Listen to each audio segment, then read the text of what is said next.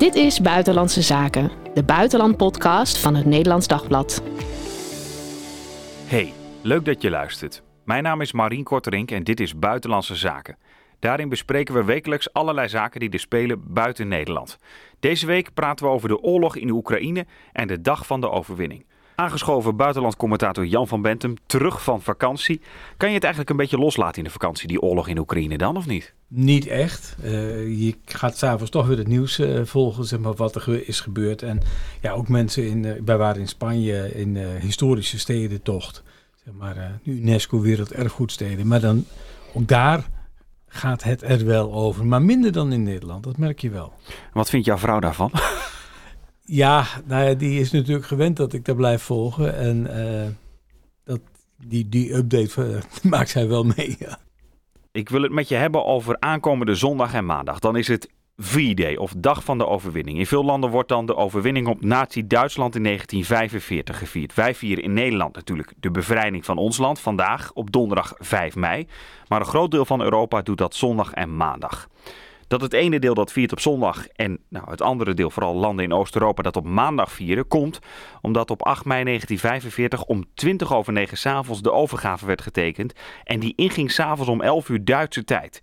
Maar in Moskou was het toen al 9 mei. Vandaar dat daar de dag van de overwinning aankomende maandag wordt gevierd. Ja, we hebben het er al eens over gehad. Poetin wil op die dag graag een overwinning claimen. Gaat dat eigenlijk lukken? Nou, uh, dat zou dan een grote overwinningsparade moeten worden op 9 mei. Uh, en dat gaat niet gebeuren in die zin dat hij dan de overwinning kan claimen. Dat heeft uh, de minister van Buitenlandse Zaken, Sergei Lavrov, gezegd maandag.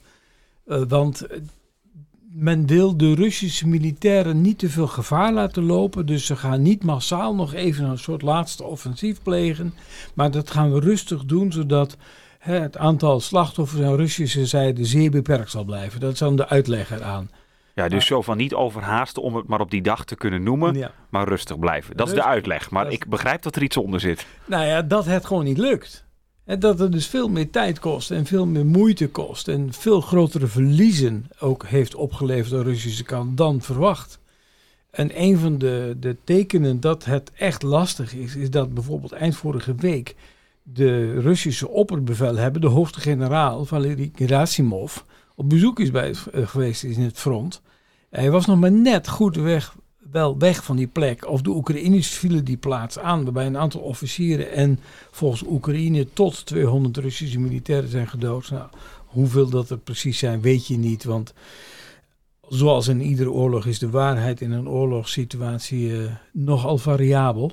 Ja, want de vraag was ook een beetje die Gerasimov, die, die zou daar dan de troepen gaan leiden, dat hij ook gewond zou zijn en weer terug. Maar nu was, nu was deze week weer het nieuws eigenlijk dat hij niet gewond niet was. Niet echt gewond is. En anders, uh, het Russisch, sorry, het Oekraïense ministerie van Defensie zegt dat hij wel geraakt is door een granaatscherf in zijn dij of zo, maar geen, uh, geen zwaardere verwondingen. Uh, het zou kunnen zijn. Ja. Hey, en dus die, die parade komt eraan, maar ja, dat zal hem ook pijn doen, Poetin. Dat hij dat dan niet ja. kan vieren, zo van we hebben in ieder geval de Donbass terug bijvoorbeeld. Of... Nee, maar wat je dan ziet is dat dan de, zeg maar, de propaganda de, tegen Oekraïne verscherpt.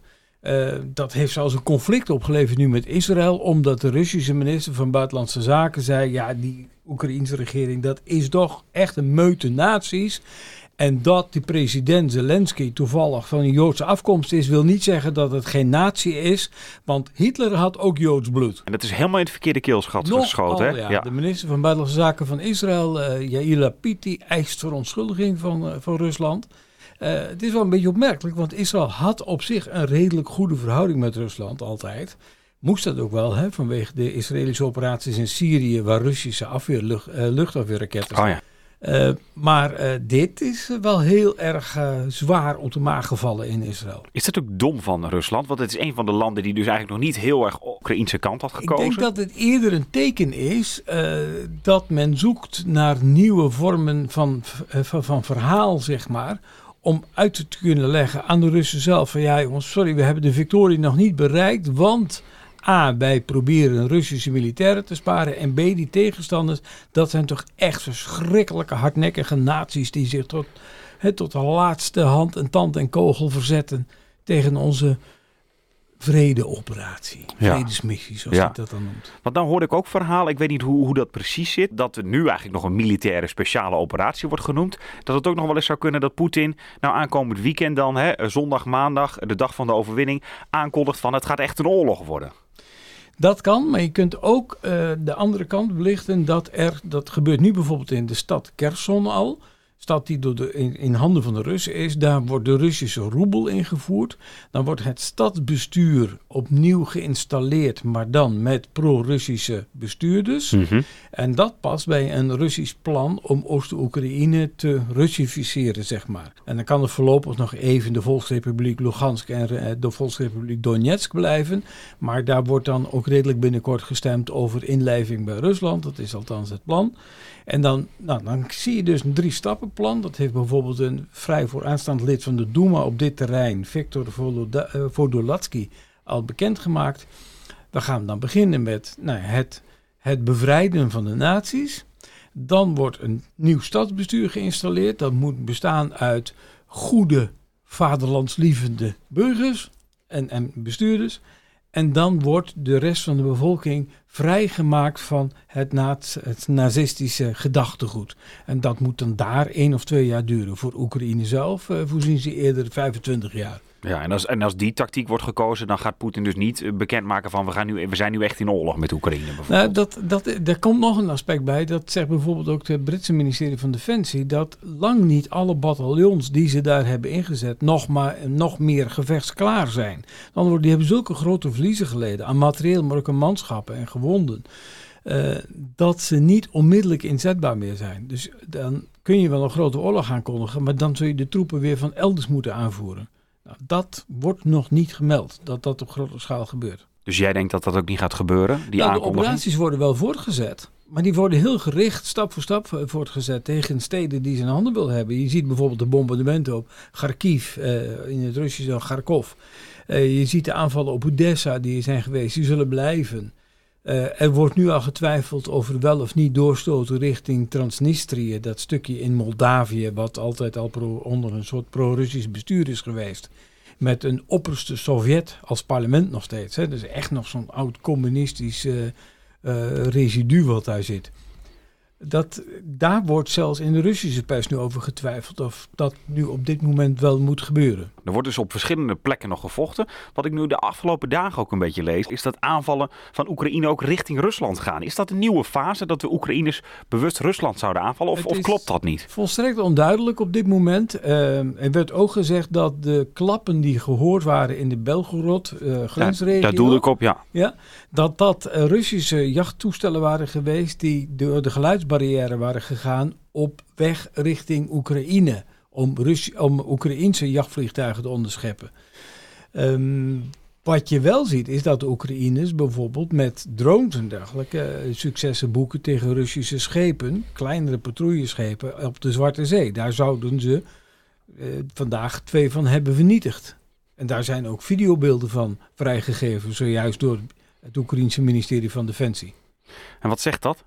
Nou, dat de Oekraïners dus wel in staat zijn geweest om effectieve wapens te krijgen, dan wel te ontwikkelen. Denk aan eh, de door hen geclaimde vernietiging van die geleide wapenkruizen van de, Russisch, van de Russen, de, de Moskva. Ja, dat hele grote schip. Dat zou zijn gebeurd met Oekraïense eh antischeepsraketten, die Oekraïne zelf had ontwikkeld. Ehm, en nu gaan ook westerse landen antischeepsraketten leveren aan Oekraïne. Dus je ziet dat wat, dat wat betreft ook het front zich verplaatst richting op de Zwarte Zee. Oekraïne zelf heeft nauwelijks marine, eh, niet inzetbaar, maar kan dus wel schepen aanvallen met raketten. Maar Oekraïne dat echt Rusland aanvalt op Russisch gebied, gebeurt dat ook? Eh, Rusland claimt het zo nu en dan wel. Eh, Oekraïne zegt er niks over. Er is in de tijd, een paar weken geleden, ook zo'n oliedepot aangevallen. Dat belangrijk was voor het, Oekraïense, voor het Russische leger in Oekraïne. Ook dat was de vraag of Oekraïne dat echt heeft gedaan. Het is nooit definitief geclaimd door Oekraïne. Ja. Dus het kan ook zijn dat Rusland, ehm, wat de operatie daar in het westen van Oekraïne sowieso al wilde beëindigen, eh, ook een, een, een soort excuus heeft voor aanval verder tegen Oekraïne en het in stand houden van het verhaal. Dit is een nazistisch regime, Dit moeten we uitschakelen. Dit is een bedreiging voor Rusland. Zij vallen ons aan, dus wij moeten Ja, wel wat wij terug moeten doen. wel reageren.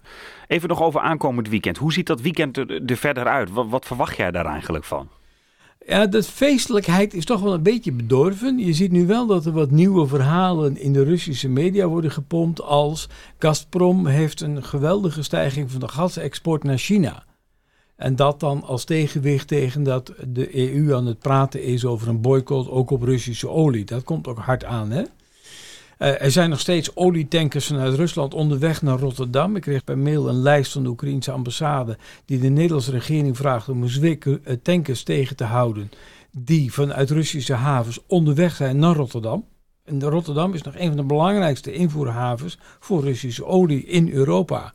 En eh, wat dat betreft komt dus nu ook een heel direct verzoek richting Nederland. Stop dit. Ja, want er was ook wat, wat, wat, discussie over of die gastoevoer naar Nederland nou eigenlijk was gestopt. Of dat Nederland misschien zelfs nog meer gas had afgenomen afgelopen maand. Ja, nou, ik, en je hebt ook die, dat is ook weer gerelateerd aan hoeveel gas gaat er heen en weer tussen Nederland en Duitsland.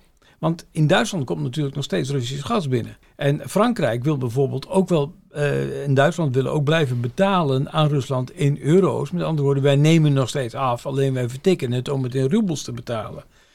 Nou, is daar ook weer een of andere modus vivendi voor gevonden dat je dan eh, in euro's betaalt richting Moskou, maar daar ter plekke de euro's moet omzetten in roebels. Maar ja, wij nemen nog steeds Russisch gas af. Vandaar dus die discussie nu binnen de, de EU om tot een ban, een ban, een, een, een verbod te komen op het invoer van dat gas en die olie. Nou, daar heb je weer verdeeldheid over. Hongarije dreigt met Mhm. de veto. Kortom, we zijn daar nog niet over uit. Die dagen, die parade, wordt dus wat minder groots ook? dan? Of wordt dat in Rusland zelf wel gewoon heel groots aangekondigd wordt- van... eh, Nou, je ziet de meest eh, goed verkochte film in eh, Rusland op dit moment is die van een Russisch bombardement op Berlijn in 1942, als ik het uit mijn hoofd zeg. Dat we dus ook weer, kun je zien bij Riga Novosti bijvoorbeeld, het op Rusland georiënteerde staatsagentschap, een van de staatsagentschappen.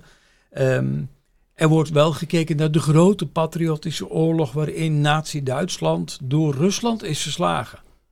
En Berlijn is gebombardeerd door Rusland. Begrijp dat goed. Die Amerikanen en Britten die erover zijn gevlogen, komen in die film niet voor. Oké, we gaan afwachten hoe dat eh, dit weekend eruit gaat zien. En dan kunnen we er ongetwijfeld volgende week op terugkomen. Het wordt een grote parade, dat zonder meer. Maar dan van het grote, krachtige vaderland dat het nazi-gevaar uit het westen heeft gekeerd. Eigenlijk benadrukken wat ze in de, de media eh, in en eigen Altijd kranten al, ja. altijd al zeggen. Rusland heeft Europa bevrijd van de nazi's. Ja. De laatste dagen, daar wil ik ook nog even bij stilstaan, hoor je ook vanuit Rusland weer veel over nucleaire wapens. Eh, eh, dat Poetin dat zou willen bewijzen. Ook dat ze simulaties zouden hebben gedaan, hè, of je Berlijn kan raken. En Poetin heeft echt gedreigd met eh eh, hypersone wapens, wapens met zo'n snelheid dat er geen enkel antwoord tegen mogelijk is.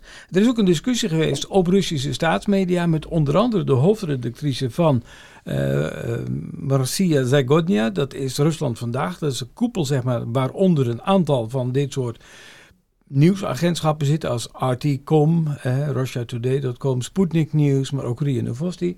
En die zei van ja, we sterven toch een keer. Als er een nucleaire oorlog komt, dan gaan wij tenminste naar de hemel. Maar die van het Westen, die zullen boeten voor hun zonden. Eh, nou, dat is dus taal van de hoofdredactrice van de officiële Russische staatsmedia. Hè? Als dat spreken daar, als die discussie op die media, op dat niveau ook plaatsvindt.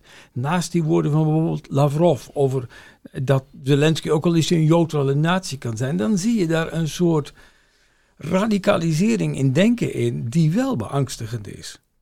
Want je moet overtuigd zijn van de haalbaarheid van een nucleaire oorlog, wil je er überhaupt aan beginnen. En je moet bereid zijn tot enorme verliezen, wil je dat ooit gaan doen. En ja, die discussie gaat daar dus over. Er is in het Westen best met ontzetting op gereageerd. Eh, maar in Rusland vind je er verder niks meer over op dit moment hoor. Maar is het nou, ik, ik vind dat met die, met die nucleaire wapens altijd een beetje, dat gaat een beetje met, voor mijn gevoel met pieken en dalen in die oorlog. Het enige moment denken we weer van nou, het gaat niet echt gebeuren. Dan, gebeurt, dan laait het eigenlijk zoiets weer op, omdat dat in Rusland heel, heel groot wordt eh, aangekondigd. Ja. En dan schrikt iedereen weer een beetje in de paniek. Eh, hoe moet je hier nou mee omgaan? Nou ja, er, er lijkt ook wel een beetje verdeeldheid te zijn in het Russische leiderschap hierover. Eh, We hadden het over Lavrov, die is dus nogal stellig in zijn uitspraken, maar hij heeft ook gezegd van, we zijn op dit moment niet echt, wij willen niet echt een oorlog met de NAVO. Nou als jij praat over nucleaire aanvallen, dan ben je in oorlog met de NAVO. Dus daar, in andere woorden, keert hij zich toch tegen. Van dat is wellicht voor hem, ook voormalig permanent vertegenwoordiger van Rusland bij de Verenigde Naties, eh, voordat hij minister van Buitenlandse Zaken werd, is voor hem kennelijk een brug te ver. Eh, terwijl Poetin er wel steeds op zin speelt in zijn spreken. Dit is geloof ik de vijfde of de zesde keer al dat hij zin speelt op een nucleaire aanval met moderne Russische nucleaire wapens. Dan kun je denken aan eh, een- aanval met een kernwapen met een beperkte lading. Dus als je zo'n hypersone raket gebruikt, dan kun je geen enorme atoomkop opschroeven, maar dan kun je wel een tactische kernkop opschroeven. Nou, dan vernietig je niet een stad als Parijs in één klap, eh, maar een kleiner doel. Een wijk. Een wijk of een kleinere stad eh, of een militaire basis. Dat zou ook kunnen. Een, een haven, een- een deel van een havenstad die belangrijk is voor militaire transporten. Komt bijvoorbeeld Rotterdam in beeld. Maar is het reëel? In hun taal is het reëler geworden. Dat is het beangstigende. Ik denk dat je dat niet kunt negeren. Dat je dat niet mag negeren. Dat je Rusland daarop moet aanspreken als westerse politici van... Pardon, wat zegt u nu?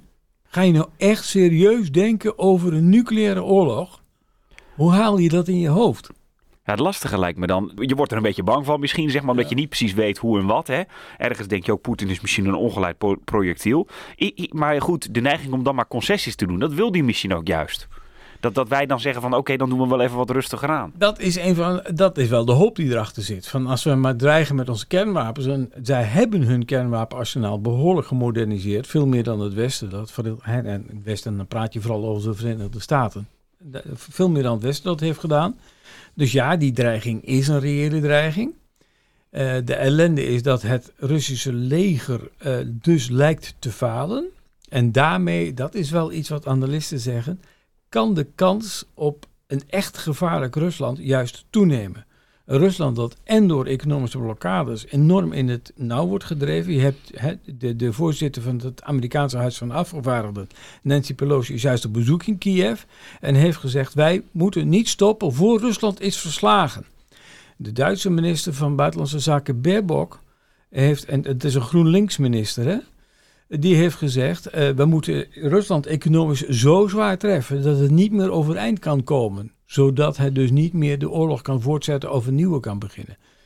Maar met zo'n beer in het nauw gejaagd kan die ook tot een, ja, zeg maar een enorm radicale stap overgaan. En dat is waarom dat radicale spreken door dit soort mensen als in dat, die talkshow op de Russische televisie zo gevaarlijk is. Je moet dat denken niet willen toelaten. En het lastige lijkt me dan, je wil hem ergens inderdaad in, in- ook niet te veel prikkelen en, en hem misschien klein maken. Maar daarmee wordt het risico op, oh, hè, als hij de oorlog, je zou bijna denken, die grondoorlog, als hij die wint, dan heeft hij minder behoefte aan nucleaire Ja, wapens. Dan heeft hij daar geen zin meer in. Ja. Geen, geen trek meer in, zeg maar. Of dat hoeft niet meer. Maar jij zegt eigenlijk wel gewoon blijven zeggen dat is niet goed en blijven supporten aan Oekraïne. Ja. ja, je kunt het niet maken dat een land via een agressieoorlog een deel van, of zelfs een heel land, opslokt. Wat blijft er dan in vredesnaam nog over van je hele internationale rechtsstelsel? Dat is weg. Wat ga je dan tegen China zeggen als dat vervolgens eh, Taiwan binnentijgert? Of een ander, eh, of Rusland weer begint met Transnistrië. Of zijn blik dan op de Baltische Staten gaat richten. Er moet een grens worden getrokken. Alleen dat trekken van die grens is een bijzonder precair gebeuren. Stoltenberg, de secretaris-generaal van de NAVO, heeft eind vorige week niet voor niks gezegd. Hij, hij, gaat dan, hij blijft uitgaan van een conventionele oorlog. Hè, van, Ja, van ja. tanks tegen tanks. eh, Dat dit wel eens jaren zou kunnen gaan duren. En dat zie je ook een beetje terug in de westerse voornemens van wapenleveranties. Eh, Biden, de Amerikaanse president, wil voor 33 miljard dollar, dus een kleine 30 miljard euro aan wapens leveren aan Oekraïne. Daarin zit ook zwaarder materieel wat geschikt is voor een landoorlog en een zeeoorlog, met raketten dan, voor de langere termijn. Nederland wil die panzerhouwitsers leveren, hele zware kolossen, en groter dan een tank. Dat zijn wapens die je inzet voor een langdurig conflict. Die gebruik je niet voor even een korte flitsende actie om Russische tanks tegen te houden bij een stad. Nee, die gebruik je voor het op lange afstand bombarderen van militaire opslagplaatsen om het verdrijven van de Russen uit al bezette gebieden in Oost-Oekraïne. Ja. Dus wat Pelosi zegt, het bevrijden, de, de victorie, de overwinning. Het kan dus wel iets van de lange adem worden. Het nog, wordt iets van de ja, adem. nog even over die, eh, over die simulatie. Eh, In die simulatie was te zien dat zo'n raket die steden in slechts een paar minuten kan bereiken. Ja. En dat ze niet onderscheppen zouden zijn, zeiden ze er dan bij. En ze kunnen volledig land van de kaart vegen. Wat is daar dan van waar? Nou, dat roepen ze al jaren. Eh, in maart 2018 hield eh, president Poetin een, eh, een toespraak. voor ook de, Russische Duma en dergelijke. En waarin hij ook video's liet zien van precies die hypersone raket. En die ging toen af op Florida, op Mar-a-Lago. Het vakantieverblijf, of Oh ja, de woonverblijf van toen president Trump.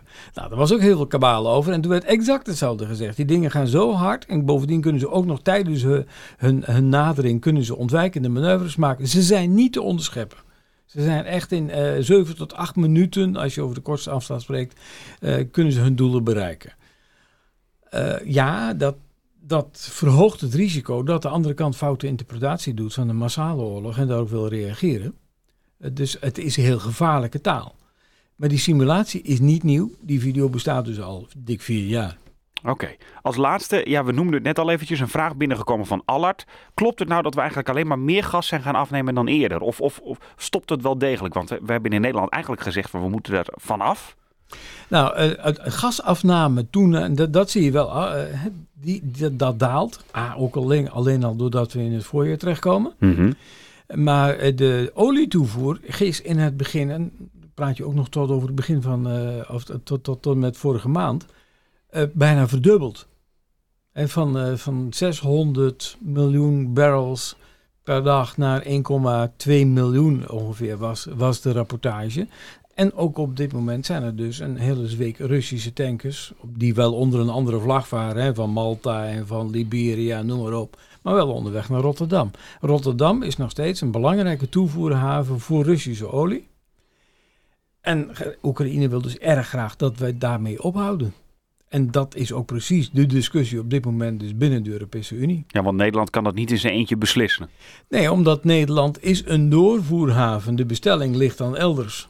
Maar voor onszelf zouden we kunnen zeggen van wij willen dat niet meer. Dat zouden we kunnen doen, maar dat zal wel een forse verhoging van de prijs wellicht weer betekenen. Uh, het is ook de vraag bijvoorbeeld of je aardgastoevoer helemaal kunt uh, vervangen door uh, liquefied natural gas noemen ze dat dan, LNG-tankers.